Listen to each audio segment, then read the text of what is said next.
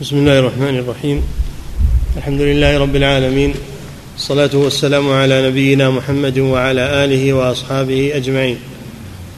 أما بعد قال المؤلف رحمه الله تعالى ثم قد يضيفون إلى الجلالة الشريفة أسماء جماعة من الموتى مثل ابن علوان وأحمد بن الحسين وعبد القادر والعيدروس.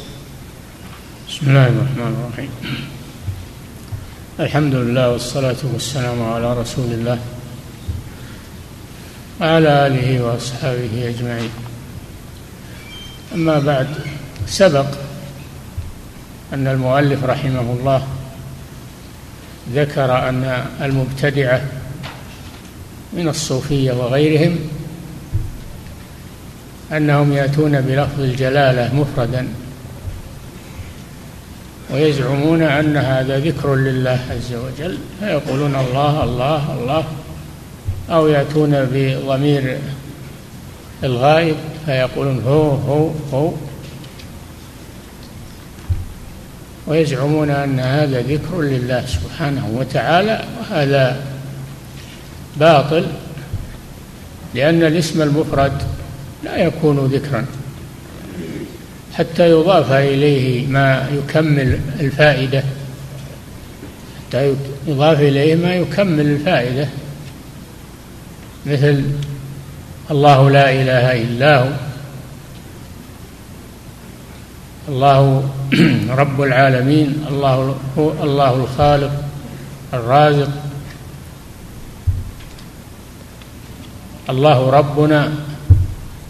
وما أشبه ذلك. يكون مبتدا وخبر جملة اسمية. أو يكون قبله فعل. يكون قبله فعل فيكون لفظ الجلالة هو الفاعل.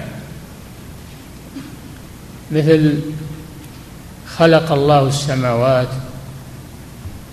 رزق رزقني الله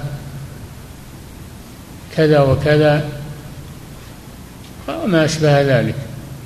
إما الفعل فاعل وإما مبتدا وخبر حتى يكون الكلام مفيدا. أما الله الله اسم ليس قبله ولا بعده ما يكمل الفائدة فهذا من اللغو وليس من الذكر. وهذا من كلام المجانين. وليس من كلام العقلاء. ولهذا يقول ابن مالك رحمه الله في الألفية يقول والخبر الجزء المتم الفائدة. كالله بر والأيادي شاهدة. الخبر هو الجزء الذي يكمل الفائدة من الكلام. أما مبتدأ بدون خبر فهذا له فلا يفيد شيئا. ذكر هنا رحمه الله أنهم ربما يذكرون مع اسم الله المفرد اسم بعض من يسمونهم بالأولياء يقرنون اسم من يزعمون أنه ولي مع ذكر الله عز وجل. هذا شرك هذه مساواة بين الله وبين عبده. وهكذا الشيطان لا يقف عند أحد. الله جل وعلا قال لنا يا أيها الذين آمنوا لا تتبعوا خطوات الشيطان إنه لكم عدو مبين. هذا من خطوات الشيطان. شيئا فشيئا. من خرج عن المشروع وقع في الممنوع. الذي يخرج عن الذكر المشروع الوارد في الكتاب والسنة يقع في الذكر المبتدع. الذي ما أنزل الله به من سلطان. نعم. أعد. ثم قد يضيفون إلى الجلالة الشريفة أسماء جماعة من الموتى. يزعمون أنهم أولياء والله أعلم بحالهم. نعم. مثل ابن علوان الله بن علوان مثلا. نعم. وأحمد بن الحسين. الله أحمد بن الحسين. يقرنونه بسم الله. نعم. وعبد القادر. القادر الجيلاني رحمه الله. إمام جليل. وهو بريء من من من ينتسبون إليه من القادرية. هو إمام من أئمة الحنابلة. وهو إمام جليل وعابد من العباد. نعم. والعيدروس العيدروس هذا أظن في حضرموت في اليمن العيدروس يزعمون أنها ولي من أولياء الله وعليه ضريح وله ضريح عندهم. يقول بالله يا عيد يا عيدروس يا محيي النفوس. يا محيي النفوس. ينادونه يقولون يا محيي النفوس. نعم. بل قد بل قد انتهى الحال إلى بل قد انتهى الحال إلى أنهم يفرون إلى أهل القبور من الظلم والجور. نعم. يلتجئون ها؟ بل إنهم قد انتهى الحال إلى أنهم يفرون؟ يفرون نعم. إلى أنهم يفرون إلى أهل القبور من الظلم والجور كعلي رومان. نعم إذا وقعوا في ظلم من الولاة أو غيرهم أو جور يلجون إلى أهل القبور ليخلصوهم من المظالم ومن الظلم. هذا التجاء إلى غير الله سبحانه وتعالى. يقول شاعرهم يا خائفين من الضرر لوذوا بقبر أبي عمر ينجيكم من الضرر. ها إلى آخر هذا الهذيان والعياذ بالله. نعم. ولا يلوذون بالله. إذا مسهم جور أو ظلم ما يلجؤون إلى الله ويدعون الله. إنما يلجؤون إلى الموتى. نعم. بل قد انتهى الحال إلى أنهم يفرون إلى أهل القبور من الظلم والجور كعلي كعلي رومان وعلي الأحمر وأشباههما. يعني رجال يزعمون أنهم أولياء الله أعلم بحالهم حتى لو كانوا أولياء فلا يلجأ إليهم ولا يستغاث بهم. هذا شرك بالله عز وجل. نعم. وقد صان الله عز وجل رسوله صلى الله عليه وسلم وأهل الكساء صان الله رسوله من هذه البدع وهذه الشركيات. وصان أهل الكساء وهم أهل بيته. أهل الكساء أهل بيت الرسول صلى الله عليه وسلم. نعم. وأهل الكساء وأعيان الصحابة عن إدخالهم في أفواه هؤلاء الجهلة الضلال. يعني ما يلجؤون إلى الرسول حتى مع أن اللجوء إلى الرسول لا يجوز لكن يتركون الرسول ويلجؤون إلى ابن علوان وإلى علان وعلان ولا يلجؤون إلى الصحا إلى أعيان الصحابة مع أن هذا لا يجوز.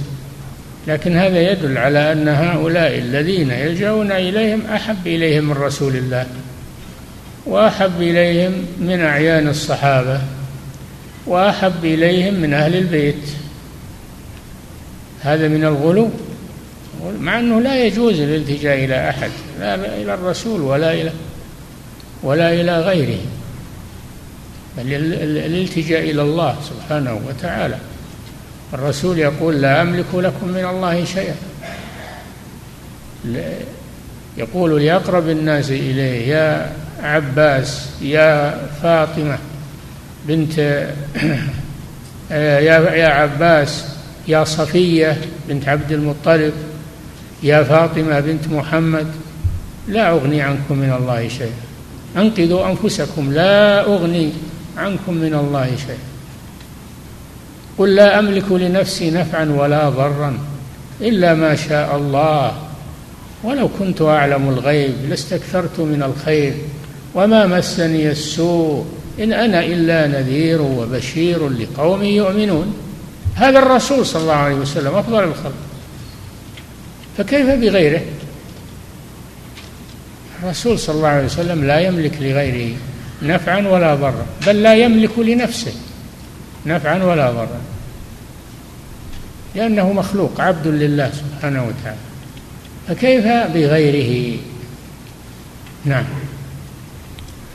وقد صان الله عز وجل رسوله. صانه عنهم يعني لم ي... لم تلوكه ألسنتهم. فيلجؤون إليه ويستغيثون به. نعم. وقد صان الله عز وجل رسوله صلى الله عليه وسلم وأهل الكساء وأعيان الصحابة عن إدخالهم في أفواه هؤلاء الجهلة الضلال. الذين يهتفون بأسماء من يزعمون أنهم أولياء. والله أعلم بحالهم. ولو كانوا أولياء لم يجوز الالتجاء إليهم لأنهم فقراء إلى الله أموات لا يملكون لأنفسهم نفعا ولا ضرا. هم بحاجة إلى من يدعو لهم. من يتصدق عنهم من يهدي إليهم ثواب عمل صالح يستغفر لهم. هم بحاجة إلى هذا. فالميت بحاجة إلى الحي. لا العكس لا أن الحي بحاجة إلى الميت. نعم. فيجمعون انواعا من الجهل والشرك والكفر. اولا هذا جهل لأنه هذا ليس من العلم الشرعي وثانيا أنه شرك وكفر. نعم. فان قلت إنه قد يتفق مع هؤلاء الذين يلوكون الجلالة ويضيفون إليها عمل أهل الخلاعة والبطالة خوارق عادات وأمور نعم هذه شبهة. قد يقولون إن هؤلاء الذين نحن نلهج بذكرهم ونلجأ إليهم عند الشدائد. هؤلاء لهم كرامات لهم خوارق من الع... والكرامة هي لا تجري إلا يد ولي. فهؤلاء أولياء لولا أنهم أولياء ما جرى لهم خوارق وكرامات. فنحن نلجأ إليهم لأنهم أولياء الله. والله جل وعلا يقول ألا إن أولياء الله لا خوف عليهم ولا هم يحزنون. لكن ما يكملون الآية الثانية الذين آمنوا وكانوا يتقون. ما يكملون الآية الثانية. الذين آمنوا أولياء الله من هم؟ الذين آمنوا وكانوا يتقون. ليس أولياء الله المشعوذون والدجالون والكذبة. والذين لا يصلون ولا يجتنبون الفواحش يقولون هذول ما عليهم تكليف ولا وصلوا إلى الله وليسوا بحاجة إلى الأعمال ولا إلى العبادة وصلوا إلى الله. نعم. فإن قلت إنه قد يتفق مع هؤلاء الذين يلوكون الجلالة ويضيفون إليها عمل أهل الخلاعة والبطالة خوارق عادات وأمور تظن كرامات. نعم خوارق العادات وهي الأمور التي تجري على خلاف العادة. على خلاف العادة هذه تسمى خوارق. وهذه لها ثلاث حالات. إن جرت على يد نبي من الأنبياء فهي معجزة. كالعصا لموسى و وإحياء الموتى لعيسى والقرآن لمحمد صلى الله عليه وسلم. فإذا جرى خارق العادة على يد نبي فهو معجزة من المعجزات النبوية. هذه الحالة الأولى. وإن جرى على على يد عبد صالح فهي كرامة. فهي كرامة. ولم تحصل له إلا باتباع النبي. ما تحصل الكرامة له إلا باتباع النبي. فتسمى كرامة. أما إذا جرى خارق العادة وهذه الحالة الثالثة على يد فاجر إذا جرى على يد فاجر أو ساحر فإن هذه خوارق شيطانية. ليست معجزات وليست كرامات وإنما هي خوارق شيطانية مثل المشي على الماء والدخول في النار وغير ذلك مما تعمله الشياطين مع أوليائها.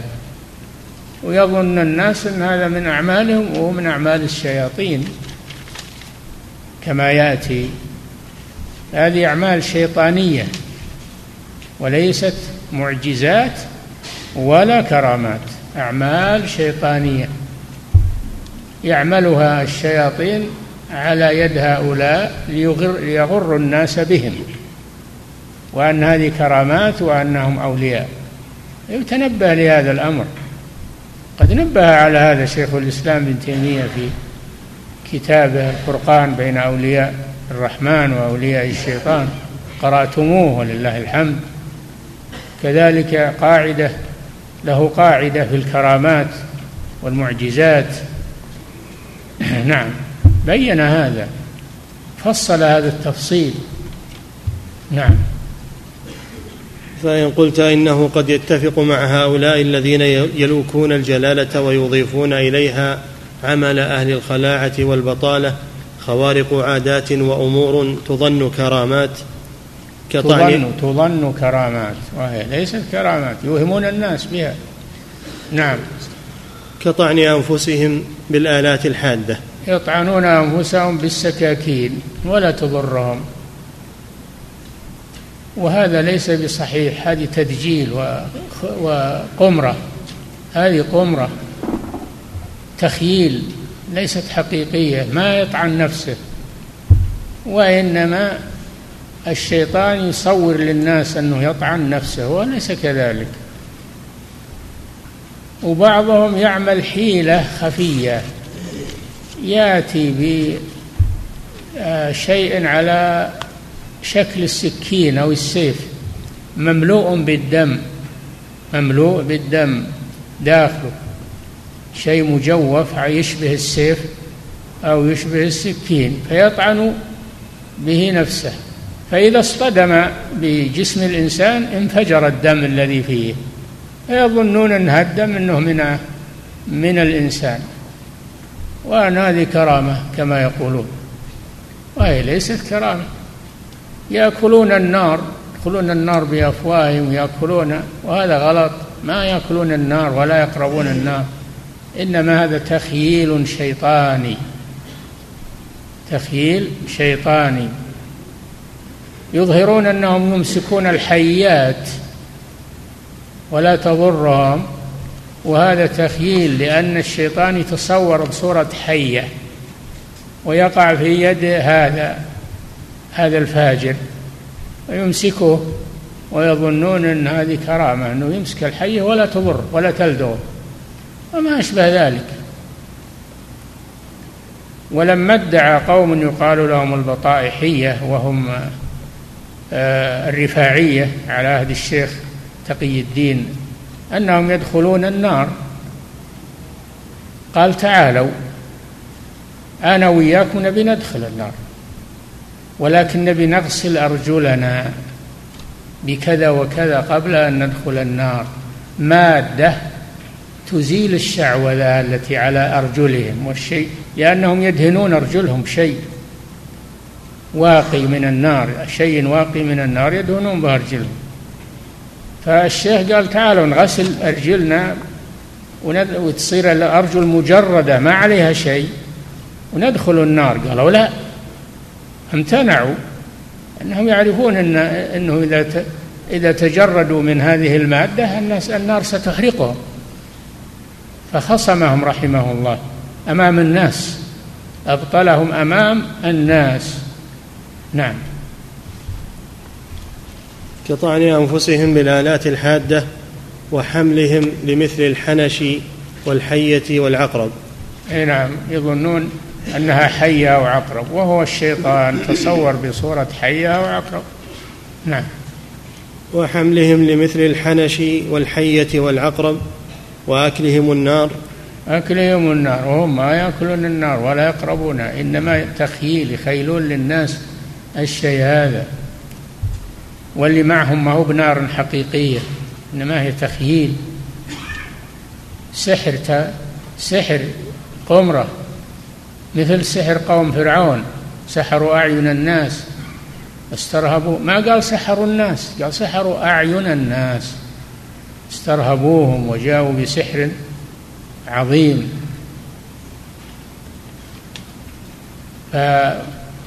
فيأتون بأشياء من الحيل من الحيل التي لا ينتبه لها الناس فيظنون أنها كرامات وهي حيل حيل شيطانية. نعم. وأكلهم النار ومسهم إياها بالأيدي وتقلبهم فيها بالأجسام.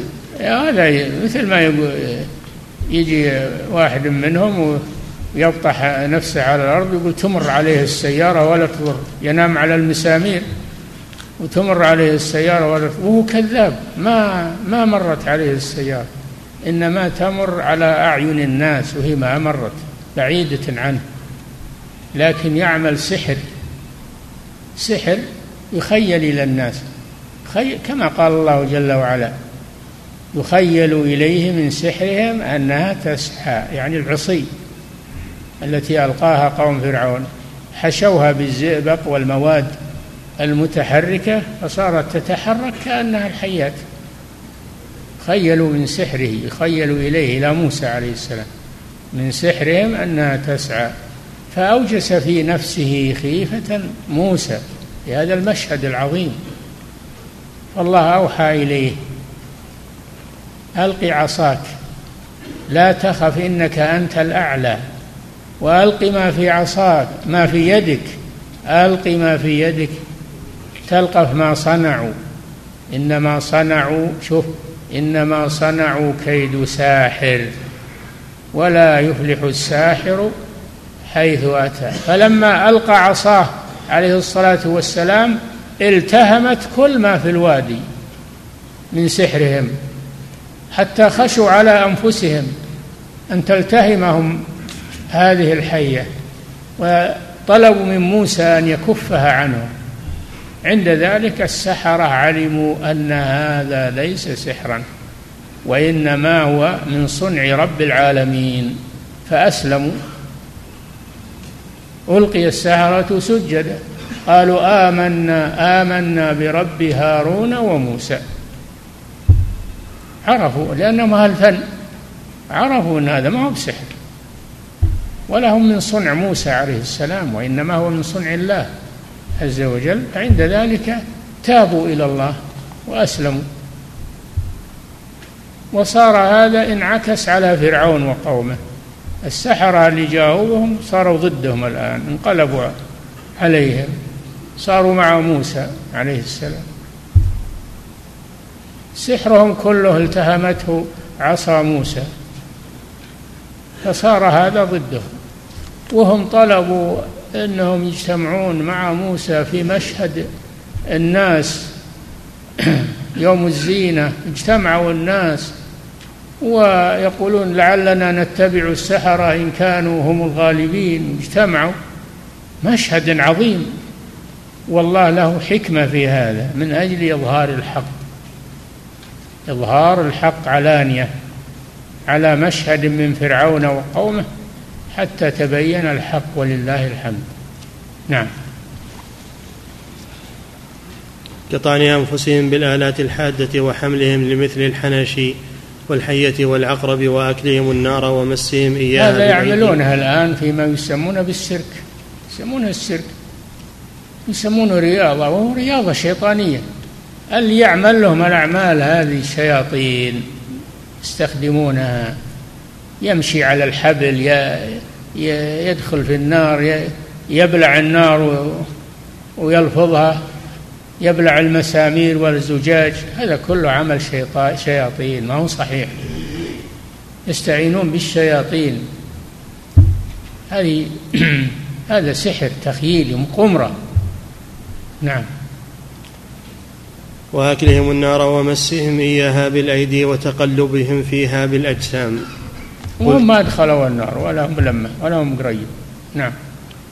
قلت هذه أحوال شيطانية. هذه أحوال شيطانية وليست كرامات وإنما هي أحوال شيطانية وخوارق شيطانية. نعم. قلت قلت هذه أحوال شيطانية وإنك لملبس عليك إن ظننتها كرامات للأموات. وإنه والعلامة واضحة أنها ليست كرامات وإنما هي شيطانيات. العلامة ما هي؟ حالة من تجري على يديه. هل هو عبد صالح أو فاجر؟ إن كانت على يد عبد صالح فهي كرامة. إن كانت على يد فاجر كافر فهي خوارق شيطانية وأعمال شيطانية. يجب الفرقان بين هذا وهذا. هذا شيء واقع موجود. فيجب أن يفرق بين هذا وهذا وينظر في حال من هي من تجري على يديه. هل هو من الصالحين ولا من الفجرة؟ إن كان من الصالحين فهي كرامة. وإن كان من الفجرة فهي خارق شيطاني وعمل شيطاني. لا يلتبس علينا هذا الأمر. نعم. قلت هذه أحوال شيطانية وإنه لملبس عليك إن ظننتها كرامات للأموات أو حسنات للأحياء. لما هتف هذا الضال بأسمائهم جعلهم أندادا وشركاء لله تعالى في الخلق والأمر. ثم جاءت الشياطين على ألسنة الأموات تخاطب من يدعوهم وتقول قضينا حاجتك. ويحضرون له الأشياء اللي هو يبي يقولون جابها لك الولي وهم جايبتها الشياطين من مكان بعيد يسرقونها من أموال الناس. الشياطين تسرق من أموال الناس أشياء وتجيبها لمن يستغيث بالأموات. ويقولون هذه هذه كرامة الولي وهي من عمل الشيطان. فلا يغتر بهذا. نعم. فهؤلاء الموتى والمقبورون أنت تفرض أنهم أولياء الله تعالى. فهل يرضى ولي الله أن يجعل أنت تفرض أن أنت تفرض أنه ولي نحن ما نجزم أنه ولي لله. لا نف... لا نجزم. ما يجزم لأحد إلا من شهد له الرسول صلى الله عليه وسلم. أما نحن ما نجزم أن هذا ولي لله. لكن نحسن به الظن ونقول نرجو له الخير. أما نقول هذا ولي لله بدون دليل فلا يجوز هذا. نعم. فهؤلاء الموتى والمقبورون أنت تفرض أنهم أولياء الله تعالى فهل يرضى ولي الله أن يجعله المجذوب أو السالك شريكا لله تعالى وندا؟ ولي الله لا يرضى أن يجعل ندا لله هذه قاعدة. ولي الله لا يرضى أن يستغاث به وأن يذبح له. إذا ما يكون ولي لله. إذا رضي بأن يعمل الشرك وينسب إليه فهو ليس وليا لله وإنما هو ولي للشيطان. نعم. فهل يرضى ولي الله أن يجعله المجذوب أو السالك شريكا لله تعالى وندا؟ لو رضي لكان وليا للشيطان لكن الولي الصحيح ما يرضى بهذا بل ينكره. ويجاهد أهله يوم أن كان على الحياة. نعم. إن زعمت ذلك فقد جئت شيئا إدا. إن زعمت أنه ولي لله وهو يرضى بالشرك فقد زعمت شيئا إدا شيئا عظيما منكرا. نعم. إن زعمت ذلك فقد جئت شيئا إدا وصيرت هؤلاء الأموات مشركين. وأخرجتهم وحاشاهم عن ذلك اي نعم هذه بعد مصيبة أنه يحكم على هؤلاء الأموات الصالحين أنهم مشركون. وهم أولياء لله ليسوا مشركين ولا يرضون بهذا. فهو كذب على الأموات. نعم. إن زعمت ذلك فقد جئت شيئا إدا وصيرت هؤلاء الأموات مشركين وأخرجتهم وحاشاهم عن ذلك عن دائرة الإسلام والدين. نعم لأن من رضي أن يعبد مع الله وأن يستغاث به وأن يذبح له فإنه يخرج من التوحيد إلى الشرك ولا يكون وليا لله عز وجل. لا إن كان حيا ولا إن كان ميتا. نعم. وصيرت هؤلاء الأموات مشركين وأخرجتهم وحاشاهم عن ذلك عن دائرة الإسلام والدين حيث جعلتهم أندادا لله راضين فرحين. نعم. وزعمت أن هذه كرامات لهؤلاء المجاذيب الضلال المشركين. وهي ليست كرامات وإنما هي أحوال شيطانية. وإذا تكلم على الميت بزعمهم فليس هو الميت اللي يتكلم هو الشيطان. شيطان يختفي عند القبر ويجيب الداعي والسائل على أنه الميت وهو الشيطان. وقد يظهر بصورته قد يظهر بصورة الميت أمام من يأتون إليه. صورة الميت وهو شيطان يتصور لهم ويقول أنا فلان وأنا قضيت حوائجكم وأنا وأنا هو الشيطان. نعم. ما الميت ما يخرج من قبره إلا يوم القيامة. ما هنا ميت يخرج من قبره أبدا إلى يوم القيامة. نعم. أو زعمت أن هذه كرامات لهؤلاء المجاذيب الضلال المشركين التابعين لكل باطل المنغمسين في كل بحار الرذائل. إي نعم كيف تزعم أنهم أولياء وهم كذا؟ منغمسين بكل باطل وكل رذيلة وكل جريمة. يقولون إيه هذول ما عليهم تكاليف. خرجوا من التكاليف وصلوا إلى الله. ولذلك لا يحرم عليهم شيء. ولا يجب عليهم شيء لأنهم وصلوا. شو الشيطان كيف تدرج بابن آدم؟ ما أحد يخرج عن العبودية أبدا. الله جل وعلا قال لنبيه أفضل الخلق واعبد ربك حتى يأتيك اليقين. ما أحد يخرج عن العبودية لله عز وجل. إن كل من في السماوات والأرض إلا آتي الرحمن عبدا. نعم. أو زعمت أن هذه كرامات لهؤلاء المجاذيب الضلال المشركين التابعين لكل باطل المنغمسين في بحار الرذائل الذين لا يسجدون لله سجدة ولا يذكرون الله وحده.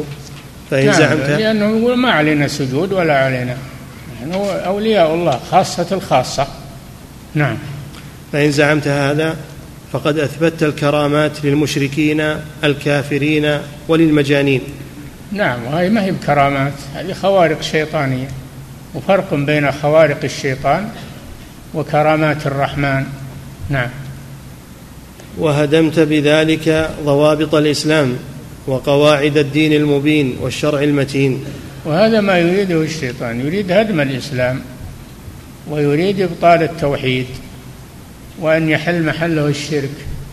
هذا الذي يريده شياطين الإنس والجن. ولاحظون ما ما هو الشياطين من الجن فقط بل من الإنس. من الإنس من يدعون إلى هذه الأمور ويزينونها ويألفون الكتب يحسنونها للناس. شياطين هؤلاء. نعم. وإذا عرفت بطلان هذين الأمرين علمت أن هذه أحوال وأفعال طاغوتية. أي نعم هذه أحوال طاغوتية وليست كرامات. وإنما هي أحوال شيطانية للابتلاء والامتحان. نعم. وإذا عرفت بطلان هذين الأمرين علمت أن هذه أحوال وأفعال طاغوتية وأعمال إبليسية يفعلها الشياطين لإخوانهم من هؤلاء الضالين معاونة من الفريقين. نعم. ويوم ويوم يحشرهم جميعا يا معشر الجن قد استكثرتم من الإنس وقال أولياء من الإنس ربنا استمتع بعضنا ببعض وبلغنا أجلنا الذي أجلت لنا قال النار مثواكم خالدين فيها إلا ما شاء الله إن ربك حكيم عليم استمتع بعضنا ببعض الجن استمتع بالإنس أنه خضع له وعظمه والإنس استمتع بالجن أنه خدمه وأعانه على على مطالبه وكل منهم استمتع بالآخر. ربنا استمتع بعضنا ببعض وبلغنا أجلنا الذي أجلت لنا. هذا ما يقولونه يوم القيامة إذا سألهم الله سبحانه وتعالى في موقف القيامة. نعم.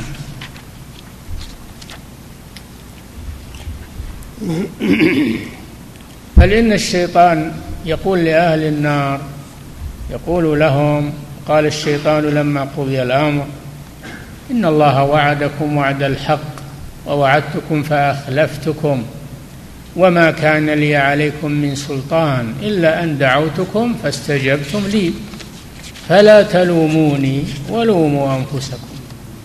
ما أنا بمصرخكم؟ وما أنتم بمصرخي يعني ما أنا أقدر على إغاثتكم وإنقاذكم وأنتم لا تقدرون على إنقاذي. ما أحد منهم ينفع الآخر يوم القيامة. تبرأ منهم الشيطان. وهم في النار والعياذ بالله. نعم. إن زعمت هذا فقد أثبتت الكرامات للمشركين الكافرين المجانين. وهدمت بذلك ضوابط الإسلام وقواعد الدين المبين والشرع المتين وللشياطين أعظم عناية في إغواء العباد عن طرق الهداية والرشاد. نعم الشياطين لهم أعظم عناية بإضلال بني آدم لأن رئيسهم وإمامهم تعهد بهذا. لئن أخرتني إلى يوم القيامة لأحتنكن ذريته إلا قليلا. أرأيتك هذا الذي كرمت علي؟ لئن أخرتني إلى يوم القيامة لأحتنكن ذريته إلا قليلا. قال اذهب فمن تبعك منهم فإن جهنم جزاؤكم جزاء موهورا. واستفزز من استطعت منهم بخيلك وأجلب علي واستفزز من استطعت منهم بصوتك وأجلب عليهم بخيلك ورجلك وشاركهم في الأموال والأولاد وعدهم وما يعدهم الشيطان إلا غرورا. إن عبادي شوف إن عبادي ليس لك عليهم سلطان. وكفى بربك هاديا ونصيرا. لا ينجو من الشيطان إلا عباد الله المخلصون. الذين آمنوا بالله حق الإيمان وهؤلاء هم الذين ينجون يوم القيامة. نعم. وللشياطين أعظم عناية في إغواء العباد. قال فبعزتك لأغوينهم أجمعين إلا عبادك منهم المخلصين لأنه ما له قدرة على المخلصين أبدا.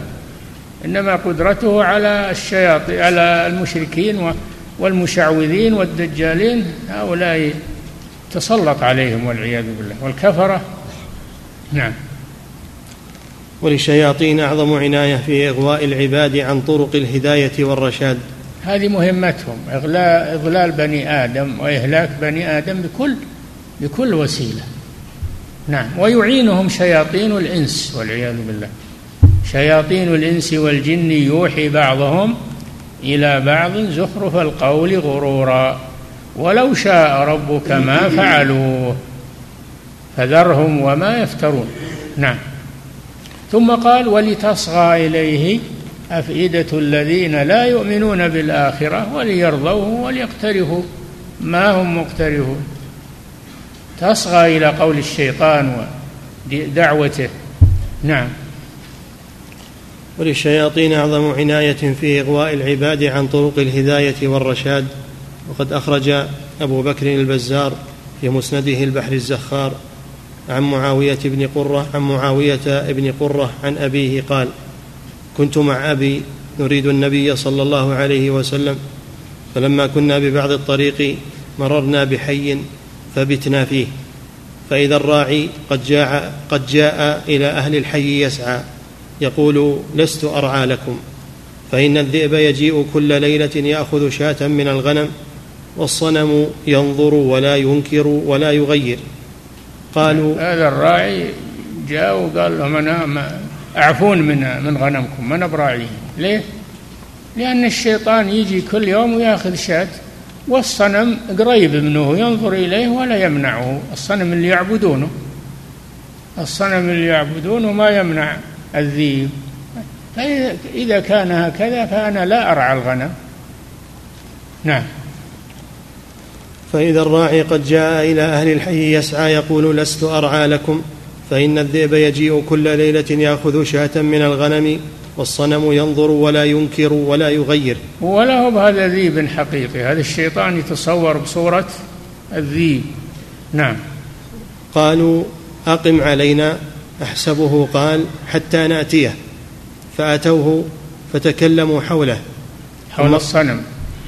ثم قال الراعي ثم قالوا للراعي أقم الليلة. قال إني مقيم. قال قال إني أقيم الليلة حتى ننظر. قال فبتنا ليلتنا حتى كان صلاة الغداة. أقبل الراعي يشتد إلى أهل القرية يقول لهم البشرى ألا ترون الذئب مربوطا بين الغنم بغير وثاق؟ قال يربطها الصنم يقول يربطها الصنم. وهو الشيطان ما هو بذيب نعم. قال فجئنا معهم. قال فقال نعم هكذا فاصنع. فقدمنا على رسول الله صلى الله عليه وسلم فحدثه أبي الحديث. نعم. فقال يلعب بهم الشيطان. نعم هذا كله لعب شيطان. ما هو ذيب ولا هو. نعم. فقال يلعب بهم الشيطان. انتهى. فإذا بلغ من الشيطان مثل هذا بأن يتمثل ذئبا ويقعد بين الغنم ليتم إضلال العباد لعبادة الأوثان. فكيف يستنكر المؤمن الصادق الإيمان أن يلعب بالمقبورين والمجاذيب؟ نعم. ويتصور ثعبانا يقلبونه في أيديهم ونارا يأكلونها وغير ذلك لمن صدق إيمانه ويقينه. نعم. وذكر ابن تيمية رحمه الله في كتابه الفرقان بين أولياء الرحمن وأولياء الشيطان أنه يعرف من تخاطبه النباتات. بما فيها من المنافع. وهي ما هي بالنباتات اللي يخاطبها الشيطان في النباتات. يلابس النباتات ويخاطب الإنسان. نعم. يقول هذه كرامة. هذه كرامة. خاطب الأشجار والعشب يخاطبه هذه كرامة. نعم. أنه يعرف من تخاطبه النباتات بما فيها من المنافع. وإنما يخاطبه الشياطين التي دخلت فيها. في النباتات. نعم. قال وأعرف من يخاطبه الحجر والشجر وتقول هنيئا لك يا ولي الله. وما خاطبه الحجر إنما يخاطبه الشيطان على لسان الحجر. نعم. وأعرف من يخاطبه الحجر والشجر وتقول هنيئا لك يا ولي الله فيقرأ آية الكرسي فيذهب ذلك. إذا قرأ آية الكرسي ذهب كل ذلك ولا يخاطب أحد من هذه الأشياء لأن القرآن يبطل هذا الكيد كله.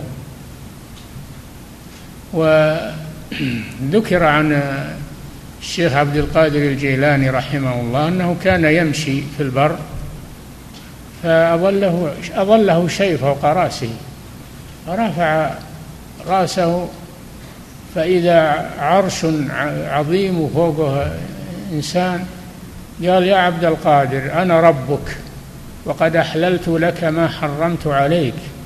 قال له كذبت أنت شيطان لأنه بعد وفاة الرسول صلى الله عليه وسلم لا ينزل تحليل ولا تحريم. فكذبه رحمه الله ودحره بهذا العلم النافع. أنه ما في تحليل وتحريم بعد وفاة الرسول صلى الله عليه وسلم. شوف أولياء الله على على الحقيقة. عندهم بصيرة وتمييز. ما اغتر بهذا الكلام وانتفخ وقال أنا ولي وأنا وأنا نعم. ربي قال لي كذا وكذا وأنا نعم. قال وأعرف من يخاطبه الحجر والشجر وتقول هنيئا لك يا ولي الله. فيقرأ آية الكرسي فيذهب ذلك. نعم ولي الله إذا سمع هم يريدون إنه يغوونه فإذا قرأ آية الكرسي ذهبوا عنه. وعادت الأمور كما كانت. نعم. قال وأعرف من يقصد صيد الطير فتخاطبه العصافير وتقول صدني حتى يأكلني الفقراء. وتكون الشياطين قد دخلت فيها كما تدخل في الإنس وتخاطبه بذلك. نعم. ومنهم من يكون في البيت مجافا عليه فيرى نفسه خارجه وبالعكس وهو لم يفتح. نعم. وكذلك في أبواب المدينة وتكون الجن قد أدخلته بسرعة وأخرجته بسرعة ويرونه أنوارا ويحضر ويحضر عنده يرونه. ويرونه أنوارا ويحضر عنده من يطلبه. لكن إذا ذكر الله ذهبوا ولم يبقى شيء من هذا. فذكر الله هو الذي يحمي من الشياطين ويحمي من الخرافات والتدجيل ويبطل كيد الشيطان. نعم. ويحضر عنده من يطلبه ويكون ذلك من الشياطين يتصورون بصورة صاحبه. نعم. قال وأعرف من يخاطبه هذا كله كلام شيخ الإسلام ابن تيمية. نعم. قال وأعرف من يخاطبه مخاطب ويقول ويقول له أنا من أمر الله. ويعده أنه المهدي الذي بشر به النبي صلى الله عليه وسلم. نعم وهو كذاب ليس هو المهدي. نعم. ويقول له أنا من أمر الله ويعده أنا من أمر الله. ويقول له أنا من أمر الله ويعده أنه المهدي الذي بشر به النبي صلى الله عليه وسلم. الذي يخرج في آخر الزمان. نعم. ويظهر له الخوارق مثل أن يخطر بقلبه تصرف في الطير والجراد في الهواء والمواشي. فإذا خطر بقلبه قيام بعض المواشي أو نومه أو ذهابه حصل ما أراد من غير حركة منه في الظاهر. نعم كلها أعمال شيطانية. نعم. وتحمله إلى مكة وتأتي به. آه نعم وهذا أيضا من الغرور. تحمله الشياطين إلى مكة ويصلي في الحرم أو يحج وقت الحج. ومن غير زاد ومن غير راحلة ومن غير سيارة ولا طائرة. وهم اللي يشيلونها الشياطين يطيرون به في الهواء. يطيرون به في الهواء. نعم. وتحمله إلى مكة وتأتي به وتأتيه بأشخاص في صورة جميلة وتقول له هذه الملائكة الكروبيون. أرادوا الكروبيون الكروبيون يعني حملة العرش. نعم. وتقول له هذه الملائكة الكرو الكروبيون أرادوا زيارتك. ما شاء الله. يغرونه نعم. يقول في نفسه يعني تجي ملائكة الكروبيون المقربون من الملائكة جايين يزورونه. نعم.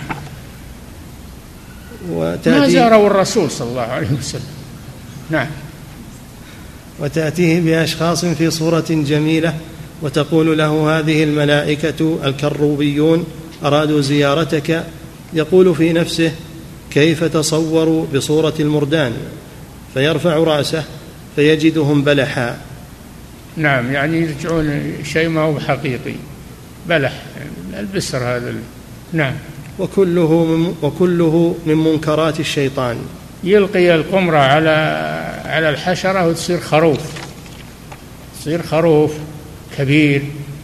ثم إذا ذاحت القمرة عاد حشرة عاد خنفس وإلا نعم. وكله من منكرات الشيطان وهذا باب لو ذكرت ما أعرف منه لاحتاج إلى مجلد كبير. يقول الشيخ رحمه الله نعم. وقد قال الله تعالى فأما الإنسان إذا ما ابتلاه ربه فأكرمه ونعمه فيقول ربي أكرمن. وأما إذا ما ابتلاه فقدر عليه رزقه فيقول ربي أهانا كلا. نعم. بعض الناس يظن أن الغنى والثروة أنها إكرام من الله وهي امتحان قد تكون شرا عليه. ومنهم من يظن أن الفقر إهانة وهو ليس إهانة بل هو خير له. والله جل وعلا يعطي الكافر ويعطي آه، العصاة من الدنيا ويفتح لهم الدنيا ويزويها عن أوليائه وعن أحبابه لئلا تفتنهم وتضرهم. نعم. كلا ولهذا قال كلا. يعني هذا نفي. يعني ليس الأمر كذلك. ليس الغنى دليل على الكرامة وليس الفقر دليل على الإهانة. نعم. كلا زجر وتنبيه على أنه ليس كل من حصلت له نعمة دنيوية تعد كرامة. نعم. وأن الله بل هي استدراج. ما تكون كرامة يكون استدراجا. نعم.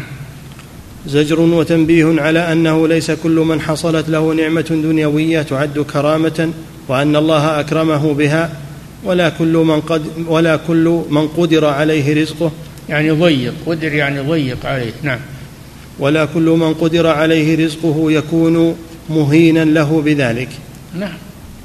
قال صلى الله عليه وسلم رب أشعث أغبر مدفوع بالأبواب لو أقسم على الله لا بره هذا المسألة مسألة نعمة وتنعيم ومظاهر.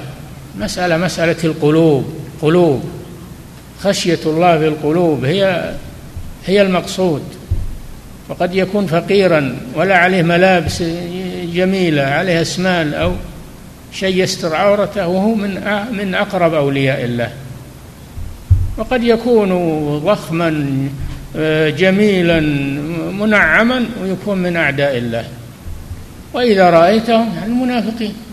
وإذا رأيتهم تعجبك أجسامهم وإن يقولوا تسمع لقولهم فصحى بلغ وهم منافقون في الدرك الأسفل من النار. نعم. بل هو سبحانه يبتلي عبده بالسراء والضراء فقد يعطي النعم الدنيويه من لا يحبه ولا هو كريم عنده. لو كانت الدنيا تساوي عند الله جناح بعوضة لما سقى منها كافرا شربة ماء. نعم. وقد يعطي النعم الدنيوية من لا يحبه ولا هو كريم عنده يستدرجه بذلك. يستدرجه بذلك. الذين كذبوا بآياتنا سنستدرجهم من حيث لا يعلمون وأملي لهم إن كيدي متين. نعم. وقد يحمي منها من يحبه ويواليه لئلا ينقص بذلك. يعني من الحمية مثل ما يحمى المريض. يحمي الله وليه من الدنيا كما يحمى المريض من الأطعمة التي تضره وتضاعف عليه المرض. نعم. وقد يحمي منها من يحبه ويواليه لئلا ينقص بذلك مرتبته عنده ويقع بسببها ما يكرهه منه. نعم. وأيضا كرامات الأولياء لا بد أن يكون سببها الإيمان. شوف هذا الفرق بين الكرامات وبين خوارق الشيطان. كرامات سببها الإيمان وخوارق الشيطان سببها الكفر. فرق بينهما. نعم. وأيضا كرامات الأولياء لا بد أن يكون سببها الإيمان والتقوى. فما كان سببه الكفر والفسوق والعصيان فهو من خوارق آه. أعداء. هذا الفارق. شوف ما كان سببه الإيمان فهو من الكرامات. ما كان سببه الكفر والعصيان فهو من خوارق الشيطان. نعم. وأيضا كرامات الأولياء لا بد أن يكون سببها الإيمان والتقوى فما كان سببه الكفر والفسوق والعصيان فهو من خوارق أعداء الله لا من كرامات أوليائه. نعم. فهذه كلها أحوال شيطانية يتناولها قوله تعالى ومن يعش عن ذكر الرحمن نقيض له شيطانا فهو له قرين. الآيات. من يعش عن ذكر الرحمن عن القرآن يتعامى عنه يتعامى عنه نقيض له شيطانا فهو له قرين والعياذ بالله. لأجل إضلاله وإغوائه. وإنهم ليصدونهم عن السبيل ويحسبون أنهم مهتدون.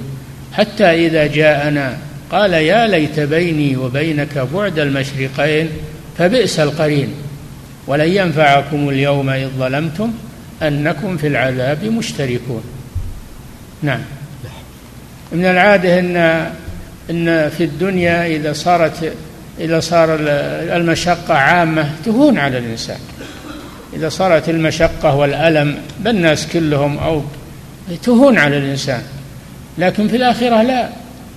ما ولن ينفعكم اليوم إذ ظلمتم أنكم في العذاب مشتركون. كل ما يرى إلا نفسه في العذاب. نعم. ما يهون عليه أن الناس مثله في العذاب. نعم. وإذا علم وإذا علمت بطلان هذين الأمرين عرفت أن هذه الأحوال الشيطانية هذه النتيجة من كل ما سبق. نعم. وإذا؟ وإذا علمت بطلان هذين الأمرين عرفت أن هذه الأحوال شيطانية وأفعال طاغوتية وأعمال إبليسية. هذا تعليق المصنف رحمه الله. نعم. نعم. وإذا علمت بطلان هذين الأمرين عرفت أن هذه الأحوال شيطانية وأفعال طاغوتية وأعمال إبليسية تفعلها الشياطين لإخوانهم من هؤلاء الضالين معاونة من الفريقين على إغواء العباد. نعم. وقد ثبت في الأحاديث أن الشياطين والجان يتشكلون بأشكال الحية والثعبان وهذا أمر مقطوع بوقوعه. نعم. فهم الثعابين التي يشاهدها الإنسان في أيدي المجاذيب. نعم. وقد يكون ذلك من باب السحر وهو أنواع وتعلمه ليس بالعسير. نعم وقد يكون هذا سحر تخيلي تخيلي سحر تخيلي قمرة اللي يسميها الناس قمرة. يجيب لك الحشرات على انها خرفان محط عليها شيء من القمرة. فإذا انتهت القمرة عادت حشرات. نعم. وقد يكون ذلك من باب السحر وهو أنواع وتعلمه ليس بالعسير بل بابه الأعظم هو الكفر بالله. نعم سهل السحر الكفر. ولكن الشياطين كفروا يعلمون الناس. السحر. نعم. بل بابه الأعظم هو الكفر بالله وإهانة ما عظمه الله من جعل مصحف في كنيف ونحوه. نعم. يعني من أطاع الجن من أطاع الشياطين وأهان المصحف خدموه. يهين المصحف يلقيه في مزبلة يلقيه في حش ثم يخدمونه. نعم. من جعل مصحف في كنيف ونحوه. فلا يغتر من يشاهد ما يعظم في عينيه من أحوال المجاذيب من الأمور التي يراها خوارق فإن للسحر تاثيرا عظيما في الأفعال. وهكذا الذين يقلبون الأعيان بالأسحار وغيرها. السحر يعني أسحار جمع سحر يعني. يحوله من اللي هو القمرة. نعم يحول الشيء إلى غير حقيقته. نعم. وقد يجون, يجون على بعض أصحاب الدكاكين يجون على بعض أصحاب الدكاكين بورق سميت ويقول له هذه ام 500 شوف لو لونها 500 وعليها صورة 500 أبيك تصرفها لي. يقوم المسكين ويفتح التجوري ويعطيه 500 صرف. فإذا ذهب وناظروا إلى سميت ورقة سميت. نعم. فإن للسحر تأثيرا عظيما في الأفعال. نعم. فإن للسحر تأثيرا عظيما في الأفعال. نعم. وهكذا الذين يقلبون الأعيان بالأسحار وغيرها وقد ملأ سحرة فرعون الوادي بالثعابين والحيات. لكن ما قامت أمام عصا موسى عليه السلام. عصا موسى واحدة. هذه عصي كثيرة ملأت الوادي. فلما ألقى موسى عصاه محتها كلها. لأن هذا حق وهذا باطل. نعم بل نقذف بالحق على الباطل. فيدمغه فإذا هو زاهد. نعم. وقد ملأ سحرة فرعون الوادي بالثعابين والحيات حتى أوجس في نفسه خيفة موسى عليه السلام. نعم. وقد وصفه الله بأنه سحر عظيم. استرابوهم وجاءوا بسحر عظيم. نعم. والسحر يفعل أعظم من هذا فإنه قد ذكر ابن بطوطة وغيره أنه شاهد في ابن بطوطة صاحب الرحلة المشهورة نعم. فإنه قد ذكر ابن بطوطة وغيره أنه شاهد في بلاد الهند قوما توقد لهم النار العظيمة فيلبسون الثياب الرقيقة ويخوضون في تلك النار ويخرجون وثيابهم كأنها لم يمسسها شيء. وهم ما دخلوا في النار إنما هذا قمرة على الأعين فقط. نعم. بل ذكر بل ذكر أنه رأى إنسانا عند بعض ملوك الهند أتى بولدين معه ثم قطعهما عضوا ثم قطعهما عضوا عضوا ثم رمى بكل عضو إلى جهة فرقا حتى لم ير أحد شيئا من تلك الأعضاء ثم صاح وبكى فلم يشعر الحاضرون إلا وقد نزل كل عضو على انفراده. يعني بسبب صيح صيحته وبكائه قال هذا ولي من أولياء الله. نعم. فلم يشعر الحاضرون إلا وقد نزل كل عضو على انفراده وانضم إلى الآخر حتى قام كل واحد منهما على عادته حيا سويا. وهو ما تقطع الموضوع الشخص ولا تفرق هو على حاله إنما هذه تخيل من الشيطان. نعم. ذكر هذا في رحلته. نعم. وهي رحلة بسيطة وقد اختصرت طالعتها بمكة عام ست وثلاثين يقول, يقول الصنعاني نعم. ذكر هذا في رحلته وهي رحلة بسيطة وقد اختصرت. طالعتها بمكة عام ست وثلاثين ومائة وألف وأملاها علينا العلامة مفتي الحنفية في المدينة السيد محمد بن أسعد رحمه الله. نعم. وفي الأغاني لأبي الفرج الأصفهاني. الأغاني كتاب أدب. لأبي الفرج الأصفهاني مشهور كتاب أدب مشهور وفيه قصص وحكايات وفيه. نعم.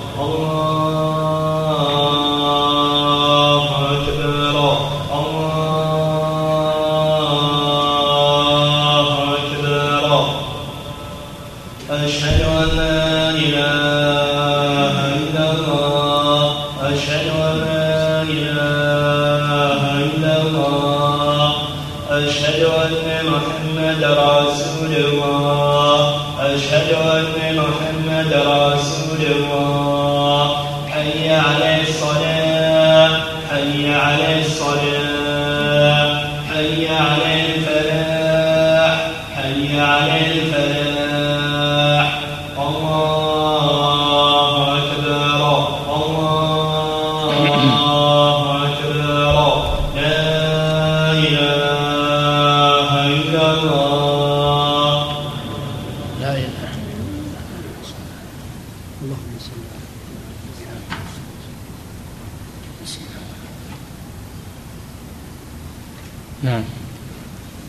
الأغاني لأبي الفرج الأصفهاني بسنده أن ساحرا كان عند الوليد بن عقبة فجعل يدخل في جوف بقرة ويخرج. فرآه جندب. والوليد بن عقبة أمير كان أميرا. نعم. فرآه بني أمية. نعم. فرآه جندب رضي الله عنه فذهب إلى بيته فاشتمل على سيفه فلما دخل الساحر في البقرة قال جندب. جندب رآه جندب. فرآه جندب رضي الله عنه فذهب إلى جندب بن كعب. جندب بن كعب نعم. فذهب إلى بيته فاشتمل على سيفه.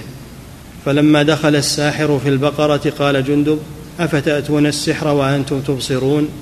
ثم ضرب وسط البقرة فقطعها وقطع الساحر معها.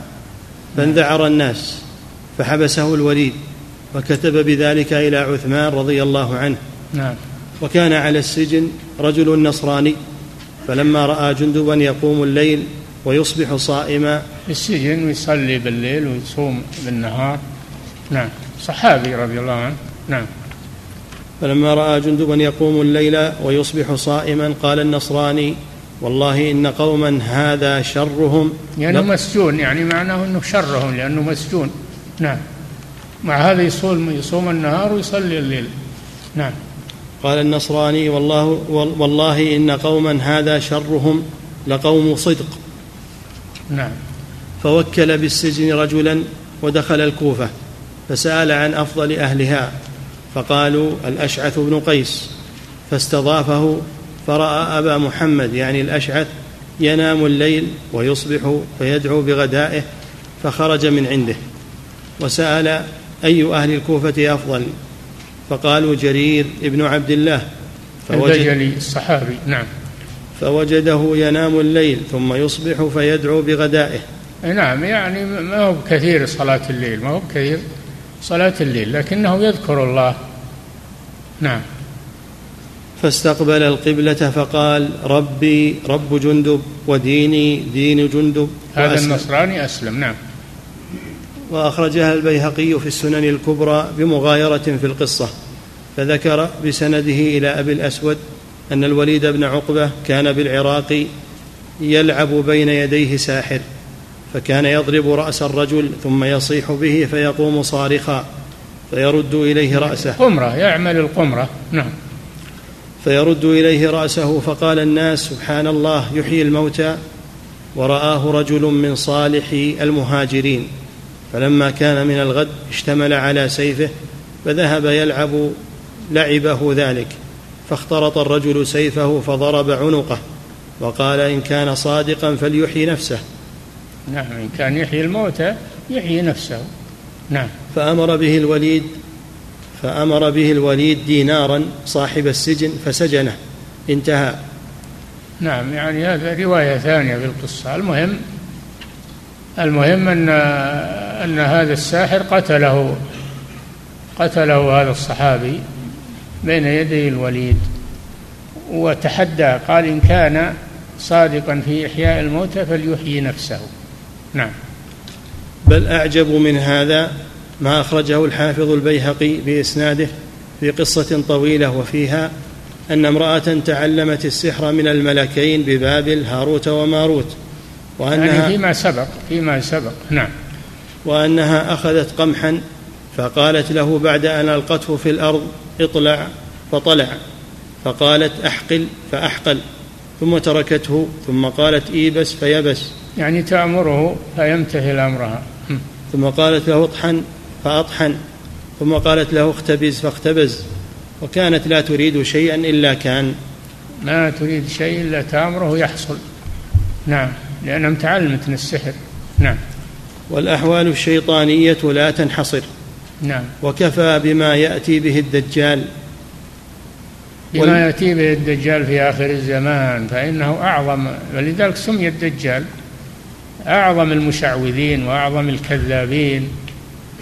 يأتي بأشياء غريبة. يأمر السماء فتمطر ويأمر الأرض فتنبت ويأمر الأرض فتخرج الكنوز التي فيها. ويقتل الرجل ثم يأمره فيعود حيا. كلها يجريها الله على يديه أحوال شيطانية. أحوال شيطانية لأجل شدة الفتنة. ولهذا فتنة الدجال هي أشد الفتن. ولهذا ما من نبي إلا حذر أمته الدجال وكان أشدهم تحذيرا نبينا محمد صلى الله عليه وسلم من فتنة الدجال. ولهذا أمرنا أن نستعيذ من فتنته في كل صلاة. التشهد الأخير. أعوذ بالله من عذاب جهنم من عذاب القبر من عذاب جهنم ومن عذاب القبر ومن فتنة المحيا والممات ومن فتنة المسيح الدجال. نعم. والأحوال الشيطانية لا تنحصر وكفى بما يأتي به الدجال والمعيار. اتباع الكتاب والسنة. المعيار هذا هو. كل ما يروج وكل ما يقال ويفخم المرجع الكتاب والسنة. هو الميزان اللي يحق الحق ويبطل الباطل. والحمد لله إن الله ما تركنا لهذه الأشياء بل أنزل علينا كتابا بين أيدينا نرجع إليه. إن تنازعتم في شيء فردوه إلى الله والرسول. نعم. والمعيار اتباع الكتاب والسنة ومخالفتهما. نعم فما فما وافقهما واتبعهما فهو حق وما خالفهما فهو باطل. نعم. انتهى ما أوردناه. ولله الحمد اولا واخرا وظاهرا وباطنا. صلى الله على سيدنا محمد وعلى آله وصحبه وسلم تسليما كثيرا. كلما ذكره الذاكرون وغفل عن ذكره الغافلون. انتهى الكتاب وجزاه الله خيرا وأثابه ونفع به. نفعنا بكتابه. وإن شاء الله نبدأ في في كتاب الدر النظير في إخلاص كلمة التوحيد للإمام الشوكاني.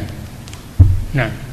الدر النضيد في إخلاص كلمة التوحيد نعم.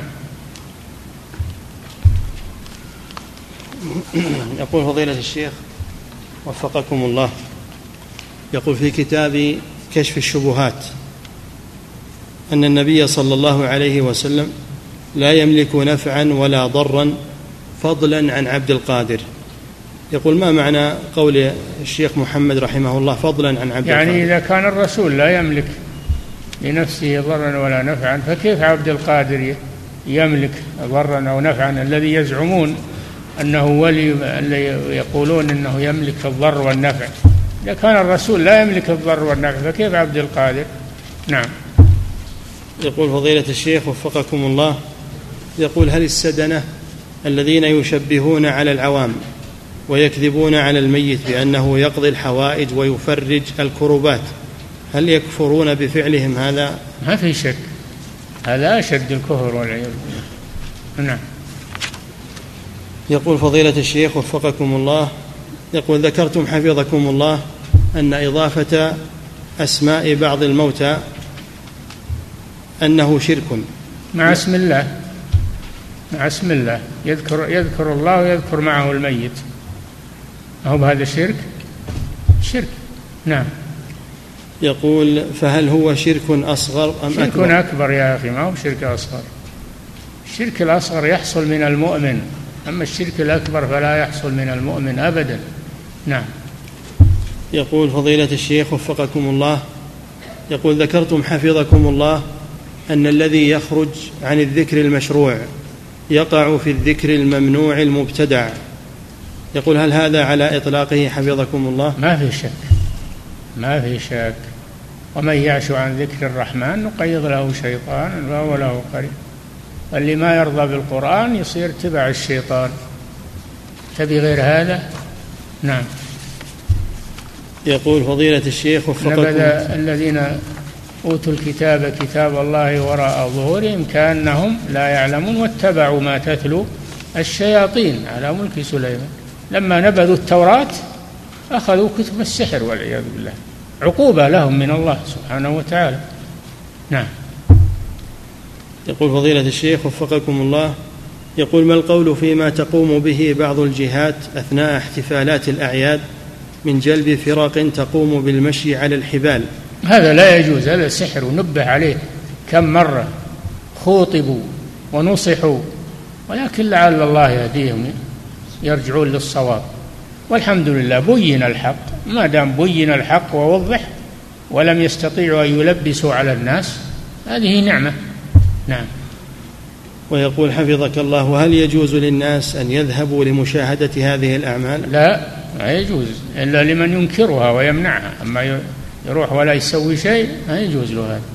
نعم. يقول فضيلة الشيخ وفقكم الله يقول أنا من غير هذه البلاد وعندي جدة قد يقول أنا من غير هذه البلاد وعندي جدة قد توفيت وهي عجوز كبيرة جاهلة كانت تذبح للأولياء وتحلف بهم. هل يجوز لي أن أحج عنها؟ لا. هذه تعامل معاملة المشركين لأنها ماتت على الشرك. تعامل معاملة المشركين ولا يحج عنها ولا يستغفر لها. نعم. يقول فضيلة الشيخ وفقكم الله يقول لماذا تنسب الطريقة القادرية للشيخ الإمام عبد القادر الجيلاني مع مخالفته لهم. يكذبونها عليه ينسبونها له كذبا. نعم. يقول فضيلة يعني هو الكذب يعجزهم؟ ما يعجزهم الكذب. نعم. يقول فضيلة الشيخ وفقكم الله هل تجوز المجادلة في الدين والمناظرات على الملأ أمام أعين الناس كما هو حاصل اليوم في بعض القنوات في المناظرات كما فعل شيخ الإسلام ابن تيمية رحمه الله حينما حج خصومه أمام الناس في مسألة السحر. ما في شك أنه إذا كان عند الإنسان مقدرة وعنده علم والشر يظهر على الناس ويلبس على الناس فلا بد من عنده علم وعنده حجة أن يبينها للناس وأن يناظر هؤلاء. يناظر هؤلاء. نعم. لأجل إبطال شرهم. لأنهم لو تركوا لنشروا الشر على الناس ولبسوا عليهم. نعم. فهذا من أفضل الجهاد في سبيل الله. نعم. يقول فضيلة الشيخ وفقكم الله يقول هل صحيح أن الشخص إذا ذهب إلى قبر شخص واستغفر الله له عند قبره هل صحيح أن هذا الميت يفرح باستغفار هذا الشخص له؟ إذا تقبله الله نعم. إذا تقبل الله دعاء أخيه الحي له فإنه يفرح بهذا. نعم. لأنه ينتفع به. نعم. يقول فضيلة الشيخ وفقكم الله يقول رجل عندنا مشهور بالتصوف وهو داعية يقول من كبار دعاة الصوفية رأيته عند قبر العيدروس في عدن يحضر الزيارة. كذلك يحضر زيارة قبر النبي هود. زعموا ذلك. سؤاله هل نصلي خلفه في الصلوات المكتوبة؟ لا, لا تصلوا خلفه وهو يتعامل مع القبور بهذه الصفات لا تصلوا خلفها ما هو ما له صلاة هو صلاته ما هي صحيحة. لأنه على الشرك. نعم. انتهى الله تعالى أعلم وصلى الله وسلم على نبينا